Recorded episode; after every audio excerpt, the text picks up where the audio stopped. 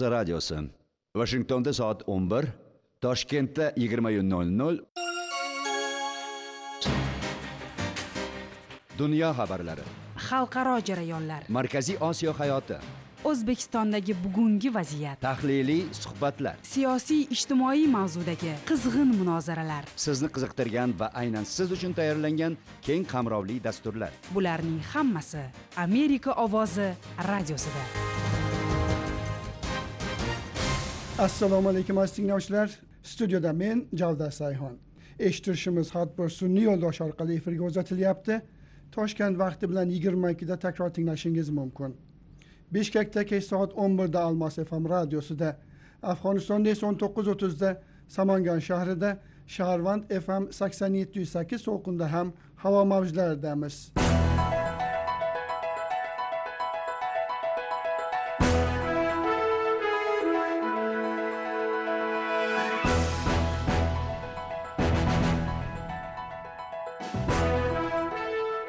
bugungi dasturimizda.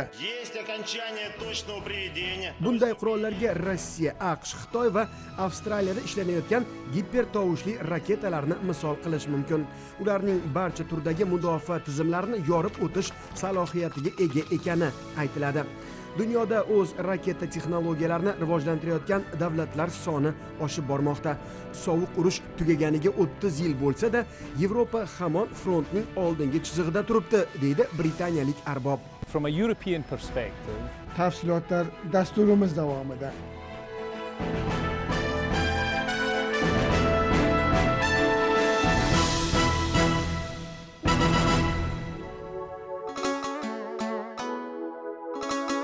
amerika ovozi xolis tezkor va ishonchli axborot manbai. Mirziyoyev hokimiyati ham karimov tuzumiga yaqinlashmoqda. Umidlar esa so'nib bo'ldi dedi oliy majlisning sobiq deputati. Oliy majlisning sobiq deputati nasrullo said o'zbekiston parlamenti uchun kutilayotgan saylovlar mamlakatda biror o'zgarish yasashiga ishonmaydi. O'zgarishlar qonunchilikka emas siyosiy irodaga bog'liq qolayotgani ta'kidlanmoqda. Bir narsa siyosatda bir aniq bir o'zgarishlar bo'lishini man ko'rmayapman. Shuning uchun umidlarim o'lib boryapti to'g'risida. Mavzu tafsilotlari bilan amerika ovozida men malik mansur. Yana bir haftadan so'ng o'zbekiston parlamenti uchun saylov kampaniyasiga start berilishi kerak. Ammo bu saylovlar hozirdanoq kuzatuvchilarda ham sobiq deputatlarda ham ishonch uyg'otayotgani yo'q. Uch oy davomidagi saylov kampaniyasi ishtirokchilari ma'lumligi. Siyosiy maydonda yuz ko'rsatishi mumkin yangi nomlar uchun ham cheklovlar aniqlanganligi ta'kidlanmoqda. Bu xulosalar o'zbek parlamentining ayni paytda siyosiy muhojirlikda yashayotgan sobiq deputati nasrullo saidga tegishli. Nasrullo said karimov davridagi tazyiqlar tufayli mamlakatni tark etgan. Mirziyoyevning hokimiyatga kelishini esa katta umidlar bilan kutib olgan muxolifatchilardan biri. Ammo o'zbekistonda hokimiyat almashishidan uch yil o'tib sobiq deputatning umidlari ham so'nib bo'lgan. Ayniqsa vataniga qaytgan muxolifatchi toshkent aeroportidan yana ortga badarg'a qilingani inobatga olinsa. Bundan qat'iy nazar nasrullo said o'zbekistondagi vaziyatni kuzatishda davom etmoqda. Jumladan yaqinlashayotgan saylov kampaniyasini ham. Hech narsani kutayotganim yo'q. Chunki saylov degan narsa bunaqa bo'lmaydi. Saylov e, e, kamida bir yil oldin bir yil bir yarim yil oldin boshlanadi saylov kampaniyasi. E, bu narsa juda murakkab jarayon bu. Bu dunyoda dunyoni qaysi mamlakatiga qaramang saylovlar juda bir qizg'in va juda oshkora o'tadi. Bu o'zbekistonda o'tayotgan narsani saylov deb bo'lmaydi. Birinchidan juda qisqa muddat uch oy. E, bu muddatni ichida e, hech kim bir o'ziga haligi e, keng propaganda ham qilolmaydi o'zini. Umuman saylov kampaniyasi judayam qisqa qilib qo'yilgan haligi noqulay qilib qo'yilgan. Shuning uchun bu bu saylov kampaniyasida bir narsa erishib erishiladi deb o'ylamayman. O'sha aldoqchi aldoqchi saylovlardan bittasi bo'ladi deb o'ylayman.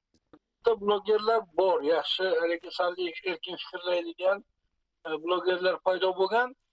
Lekin bu blogerlar ham asosan e, bilasizmi o'sha e, diniy mavzuda bahs qiladigan bir bir ijtimoiy bir mavzularda bahs qiladigan blogerlar paydo bo'lgan. Masalan haqiqiy demokratik prinsiplarni targ'ib qiladigan blogerlarni man o'zbekistonni ichida ko'rayotganim yo'q. O'sha uchun e, saylovda qanaqadir bir demokratik prinsiplar asosida raqobat bo'lishi qiyin masala. E, bo'lishi mumkin ijtimoiy masalalarda oz moz bahslar oz moz e, tortishishlar bo'lib bunga xuddi bir demokratik tus berishga harakat bo'lishi mumkin. Ya'ni bu navbatdagi aldash bo'ladi xalqni tamom. Deydi nasrullo said. O'zbekiston parlamenti uchun saylovlarda mamlakatdagi beshta rasmiy partiya ishtirok etadi. Saylov kampaniyasi arafasida bu partiya liderlari bilan suhbat o'tkazgan prezident mirziyoyev saylovlar demokratik tamoyillarga mos haqiqiy raqobatni namoyish etgan holda o'tishi lozimligi haqida gapirgan edi.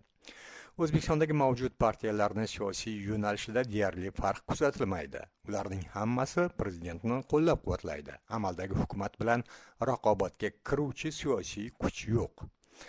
Parlament saylovlari arafasida siyosiy kuchlarning bu tartibida biror o'zgarish yasalishiga esa ishonch kam.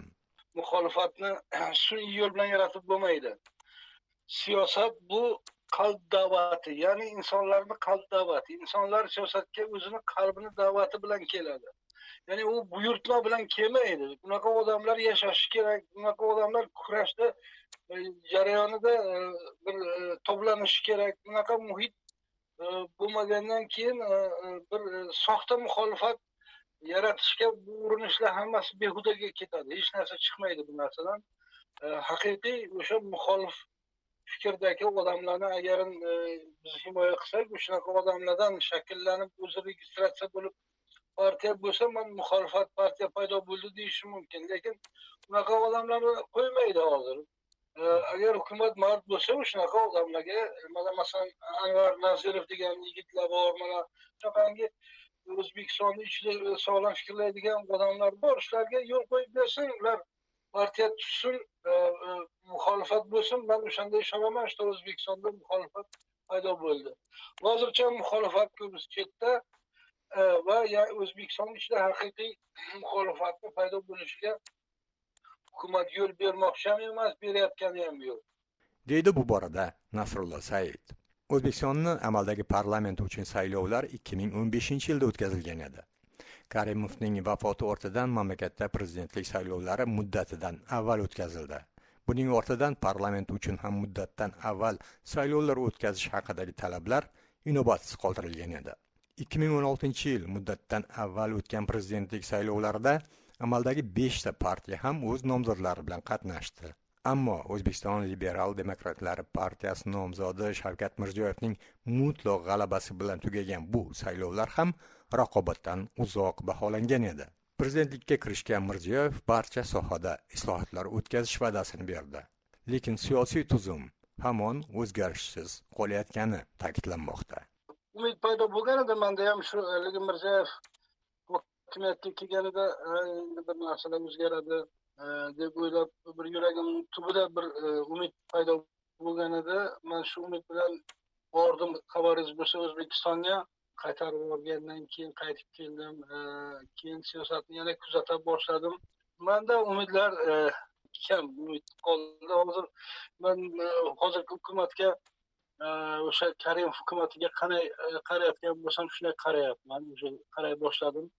Chunki e, shu uch yillik e, tajriba uch yillik kuzatish e, bir e, o'zbekistonda bir e, aniq bir real e, bir o'zgarishlar bo'lishini ko'rsatmayaptida faqat haligi kosmetik bir narsalar bir narsalar haqida gapirilyapti og'izda ko'p narsa aytilyapti lekin hayotda yoki bir narsa siyosatda bir aniq bir o'zgarishlar bo'lishini man ko'rmayapman. Shuning uchun umidlarim o'lib boryapti to'g'risida. Deydi? Nasrullo said. O'zbekiston parlamenti uchun saylovlar qonunchilikka ko'ra dekabr oyida o'tishi belgilangan. Jamoatchilikda bu saylovlar sobiq tuzum davrida shakllangan parlamentni mutlaqo yangilash kerakligi haqidagi chaqiriqlar ham uchraydi. Amerika ovozi radiosi uchun malik mansur xalqaro hayot. Dushanbadan jumaga qadar. Siz uchun saytimizda va ijtimoiy tarmoqlardagi sahifalarimizda. Suriya zamonamizning eng katta gumanitar ofati bilan yuzlashmoqda. Boy davlatlar global o'sishni dolzarb ustuvor masala deb belgiladi. G'arbiy yarim sharda eng uzoq davom etgan mojaroga yakun yasalgan ko'rinadi. Sizning xizmatingizdamiz tomosha qilib boring jahon rahbarlari bmt bosh assambleyasining yillik yig'iniga to'planmoqda. Shu hafta nyu yorkda boshlangan ko'p kunlik anjumanda yadro qurollari nazorati masalasi ham muhokama etiladi. Yaqinda yuzdan ziyod siyosiy harbiy va diplomatik arboblar qo'shma bayonot chop etdi. Ularga ko'ra dunyoda yanglish hisob kitob vaziyatni xato baholash va baxtsiz hodisa natijasida yadroviy fojianing sodir etilishi ehtimoli karib inqirozidan beri bu qadar yuqori bo'lmagan hali. O'tgan oy qo'shma shtatlar rossiya bilan 1980 yildan beri amalda bo'lgan o'rta va qisqa masofali raketalarni cheklovchi bitimdan chiqishi natijasida shartnoma yaroqsiz holatga keldi. Shundan bir oy o'tib rossiya prezidenti vladimir putin bitim taqiqi ostida bo'lgan raketalarni yaratamiz ammo aqsh birinchi bo'lib ularni joylashtirmaguncha bunday qilmaymiz dedi. Shartnomaning kuchini yo'qotishidan xavotirga tushgan bir guruh ko'zga ko'ringan rossiyalik va yevropalik diplomatlar va harbiy arboblar yangi yadro halokati xavfi haqida ogohlantirdi. Britaniya sobiq mudofaa vaziri dezmond braun ulardan biri. Ayni damda u yevropa liderlik tarmog'iga raislik qiladi. Braun va bayonotga qo'shilgan boshqa arboblar nazarida dunyo rahbarlari shu kunlarda nyu yorkda bo'layotgan bmt bosh assambleyasi yillik sessiyasida xalqaro qurol nazoratini muhokama qilishi kerak. Yillar davomida xotirjamligimizga sabab bo'lgan qurollarni nazorat qilish tizimi parchalanmoqda. Yangi texnologiyalar taraqqiyoti vaziyatni qiyinlashtiryapti. Yadro qurollarini bu texnologiyalarga bog'lash nazoratsiz salohiyatning paydo bo'lishiga olib kelib tahdidlarni mislsiz darajada kuchaytirmoqda deydi braun. Есть окончание точного приведения. bunday qurollarga rossiya aqsh xitoy va avstraliyada ishlanayotgan gipertovushli raketalarni misol qilish mumkin. Ularning barcha turdagi mudofaa tizimlarini yorib o'tish salohiyatiga ega ekani aytiladi. Dunyoda o'z raketa texnologiyalarini rivojlantirayotgan davlatlar soni oshib bormoqda. Sovuq urush tugaganiga o'ttiz yil bo'lsa-da yevropa hamon frontning oldingi chizig'ida turibdi deydi britaniyalik arbob From a European perspective, g'arb va rossiya o'rtasidagi ishonch rishtalarining keng ma'noda yomonlashayotgani hamda so'nggi 10 yil davomida qurollarni nazorat qilish tizimining muntazam ravishda dars ketishi yevropaliklar uchun jiddiy xavotirga sabab bo'lmoqda. Chunki dunyodagi yadro qurollarining 90 foizi omborxonalarda yoki jangovar holatda turibdi. Nishonga qaratilganlarning aksariyatini bir necha daqiqada harakatga keltirish mumkin deydi sobiq vazir. Kollektiv bayonotda aytilishicha yadro tahdidiga yolg'iz yevropa xavfsizligi uchrayotgani yo'q. Shimoliy koreya yadro arsenalini kengaytirmoqda. Hindiston va pokiston kabi yadroviy davlatlar o'rtasida ziddiyatlar kuchaymoqda. Aqshning bitimdan bir tomonlama chiqishi natijasida eron yadro dasturiga oid xalqaro shartnoma quruq qog'ozga aylanishi mumkin. Dunyo rahbarlari o'zaro uchrashuvlarda bu mavzularni ko'tarmoqda. Biroq oldingi rahbarlar kelishib yaratgan muhitga qaytish uchun hozirgi siyosatchilar va rahbarlarda siyosiy iroda yetishmaydi deydi dezmond braun bayonotga imzo chekkan arboblar aqsh va rossiyani yangi qurollarni yaratishni tartibga soluvchi qoidalarga kelishishga chaqirarkan. Xitoy hamda yadro qurollariga ega boshqa davlatlar strategik barqarorlikni ta'minlashga hamkorlikda intilishi kerak deydi. Hozirgi geosiyosiy muhitda bmt doirasida kelishuvga erishish qiyinligi ham ta'kidlanadi.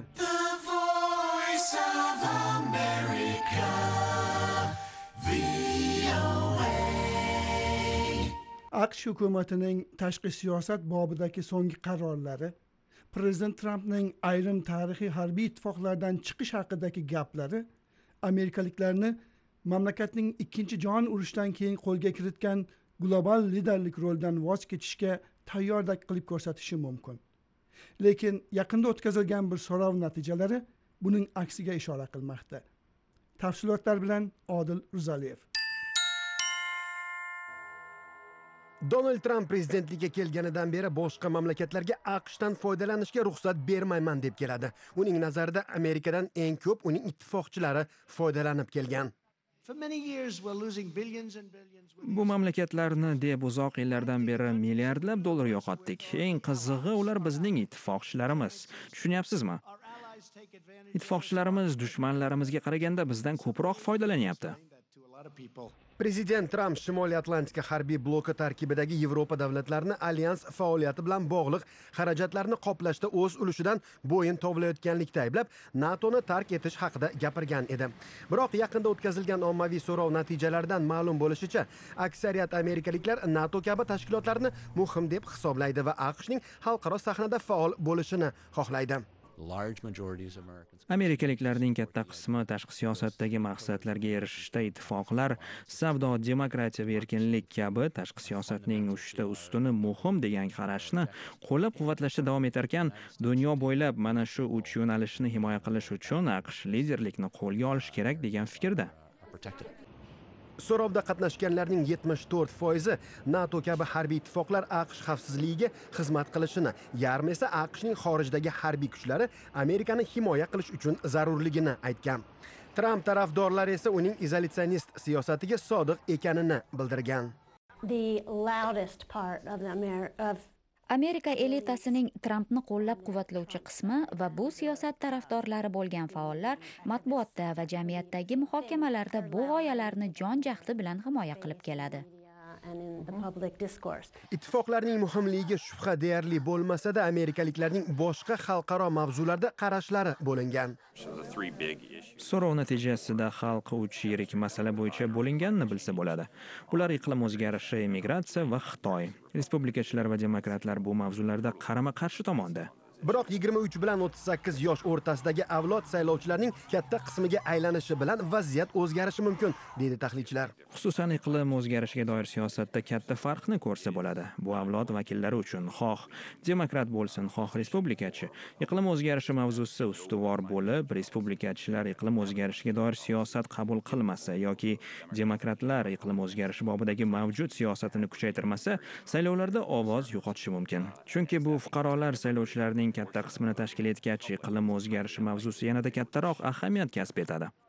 Ekspertlar fikricha 2020 yilgi prezident saylovlari natijalari aholining tashqi siyosat va aqshning bu boradagi faoliyatiga qiziqish darajasini ko'rsatib beradi. Odil ro'zaliyev amerika ovozi uchun.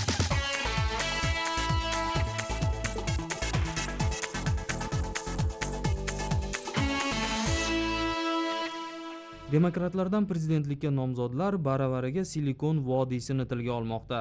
Biroq bu safar mutlaqo boshqachasiga. Avvalgi nomzodlar facebook va google kabi mega kompaniyalarning boy sohiblari ko'nglini ovlagan. Bu safar ayrim nomzodlar kompaniyalarni axborot xavfsizligi iste'molchi manfaatlari adolatli biznes va raqobat hamda ishchi huquqlari borasida keskin tanqid qilmoqda. Tafsilotlar bilan vashingtondan men dilshod asadullayev texnologiya kompaniyalari amerika ishchilarining kelajagi deya e'tirof etilmoqda. Balki to'g'ridir. Lekin himoyasiz kelajak bizga kerakmi? Deydi demokratlardan prezidentlikka nomzod pit butijej san fransiskoda uber taksi kompaniyasi qarorgohi qarshida o'tgan namoyishda pit butijej texnologiya sanoatining nufuzli vakillarini qoraladi. Butijej yolg'iz emas yirik kompaniyalarni to'xtatish vaqti keldi. Ular bu qadar qudratli nazorat o'rnatishga haqli emas. Men iste'molchilar va raqobatni qo'llab quvvatlayman deydi yana bir nomzod elizabet vorron avvallari nomzodlar silikon vodiysiga kelib texnologiya olamining mashhur egalari bilan suratga tushar edi. Biroq bu gal kompaniyalar nishonda. Elizabet vorron google amazon va facebookni jilovlashga chaqirmoqda. Berni sanders texnologiya kompaniyalarini jurnalistikaga zarar keltirish va odamlarni kuzatishda ayblaydi. Kamola harris fikricha uber va lyft kompaniyalari ishchilarga ko'proq huquq berishi zarur. Demokratlardan prezidentlikka nomzodlar silikon vodiysi va texnologiya kompaniyalarini turli yo'llar bilan tanqid qilishi mumkin. Yigirma yillar avval silikon vodiysi korchalonlarini tergash qiyin bo'lgan. Ular faqat yaxshi odamlar bo'lgan. Deydi tadqiqotchi donni fouler biroq u damlar o'tdi. Texnologiya dunyosiga nisbatan norozilik kuchaygan prezident tramp konservativ qarashlar senzura qilinayotganidan shikoyat qilib tanqid muhitini jonlantirdi nomzodlar silikon vodiysidan pul jamg'arish borasida manfaatdor bo'lgan biroq bu ham tahlikali tus olib ulgurgan when you're in an era of politics that is um. Negizi populizmga tayangan, katta biznes va moliyaviy homiylardan ancha yiroq bo'lgan siyosat davrida Silikon vodiysidan pul va dastak undirish qimmatga tushadi. Garner that support comes with with a cost. Deydi mitromniga ishlagan Lani Chen. Biroq texnologiya olami liderlari va xodimlari o'rtasida bo'linish mavjud. Sanoat yetakchilari texnologiya kompaniyalarini ortiqcha qoralamagan mo'tadil demokrat Kori Buker va demokrat nomzodlar orasida yetakchilik qilayotgan Jo Baydenlarni qo'llab-quvvatlaydi. Biroq xodimlar va ularning oilalari uorren va butijechni dastaklab pul tikkan. Yaqinda Silikon vodiysida mahalliy hokimiyatga nomzodlar muhokama qilindi. Majlisda qatnashgan Google dasturchi muhandisi Max Keyn Warren va boshqa nomzodlar uchun mablag' bergan. U o'z ish beruvchisini tanqid qilgan nomzodlarni dastaklashdan tiyilmaydi. Katta kuch ortidan katta mas'uliyat keladi. Texnologik kompaniyalar katta kuchga ega, biroq bu nazoratga olinishi lozim. deydi Keyn. Nomzodlar va prezident Tramp tanqidi ostidagi texnologiya kompaniyalari kelgusi oylarda ancha bosimga uchrasa va yaqindan o'rganilsa ajab emas. Mishel Quinn, Dilshod Asadullayev, Amerika ovozi uchun.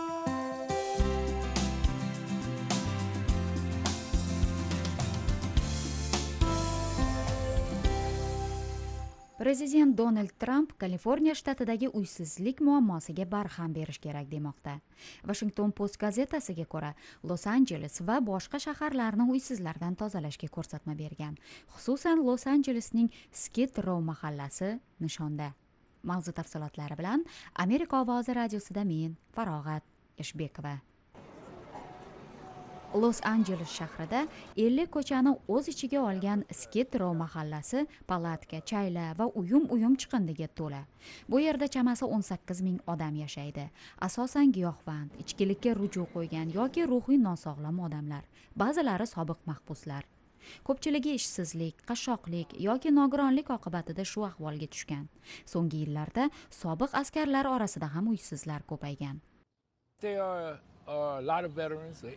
Uh, bu uh, ko'chalarda veteranlar ko'p. umuman skitrol to'la. Qora tanlilarni ham faxriylarni ham ko'rasiz deydi uysizlardan biri. shahar rasmiylari jamoat joylarida masalan xiyobon va yo'laklarda tunashni man etish bilan band. Bunday cheklovlar uysizlarni jinoyatchiga tenglashtirish demakdir deydi huquq himoyachilari. Rasmiylar muammoni hal qilishga mablag' yo'q deydi. Tanqidchilar nazarida aslida siyosiy iroda yo'q Hamma bir gapni aylantiraveradi nima qilishni bilmaymiz unday qildik bunday qildik hech foyda bermayapti deyishdan nariga o'tmaydi. aslida hal qilinishi kerak muammo uy joy deydi quruvchi elvis sammers u uysizlarga kichik uylar yasab beradi boshqalarga ham o'rgatadi. Ko'chada yashaydiganlar asosiy xizmatlar uchun sammers kabi ko'ngillilarga tayanadi 2018 yilda aqsh bo'ylab yarim milliondan ortiq odam uysiz bo'lgan. Ba'zi shtatlarda kamaygan bo'lsa-da iqtisodiy o'sishga qaramay dunyoning eng boy mamlakatida ko'chada tunaydiganlar soni ikkinchi yildirki ko'payib bormoqda. Asosiy sabab iqtisodiy tengsizlik shuningdek uy joy va tibbiy xizmatlar narxi oshib borayotgani. Eng kam ish haqi mamlakatda 2009 yildan beri oshmagan. Ko'pchilik siyosatchilarning murakkab qarorlardan qochishini ham sabab qilib ko'rsatadi. Oq uy nimani rejalayotgani hozircha mavhum. Mahalliy rasmiylarga ko'ra mablag' uysizlarni ko'chirishga emas uy joy qurishga sarflanishi kerak. Farog'at eshbekova vashington. Amerika manzaralari. Telejurnali sun'iy yo'ldosh orqali. Aziyasat 3 c to'lqini 370 kanalda dushanba kunlari. Toshkent vaqti bilan 15:30 va 19:30 da o'shda keremet televideniyasida 18:30 da mozori sharifda 15:00 va 19:00 da jahon bo'ylab 10:30 va 14:30 da shuningdek har kuni 340 kanalda 17:30 da yakshanbadan payshanbaga qadar 19:30 da yoki internetda istalgan paytda. Amerika ovozi xolis tezkor va ishonchli axborot manbai. Shu bilan dasturimizga yakun yasaymiz. Aziz radio tinglovchilar xabar lavhalarimizni internetda amerika ovozi nuqta com sayfasi orqali ham kuzatib borishingiz mumkin. Ertaga bizni shu to'lqinda toshkent vaqti bilan kech soat sakkizda tinglashni unutmang. Amerika ovozi radiosining vashingtondagi studiyasida men javdat sayhon. Xayr salomat bo'ling.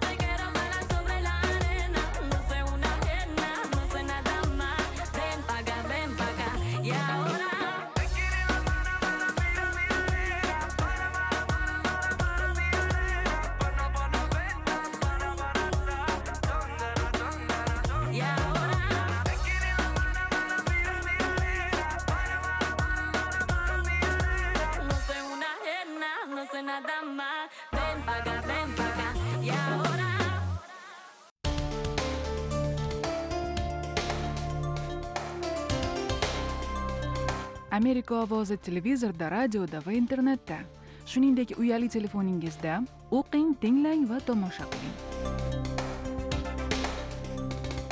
so'nggi xabarlar tezkor xolis va ishonchli video foto va audio shaklida istasangiz siz ham amerika ovoziga material yuboring dunyo bilan bog'laning smartfon mak yoki android applikatsiyamizni ishlating amerika ovozi barmog'ingiz ostida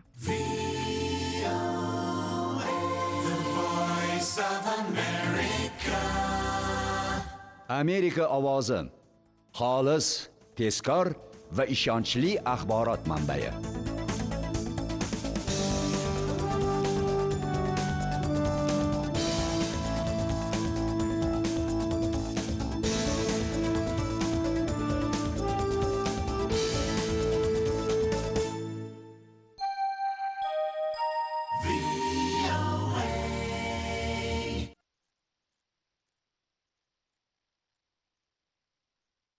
This program has come to you from the Voice of America, Washington.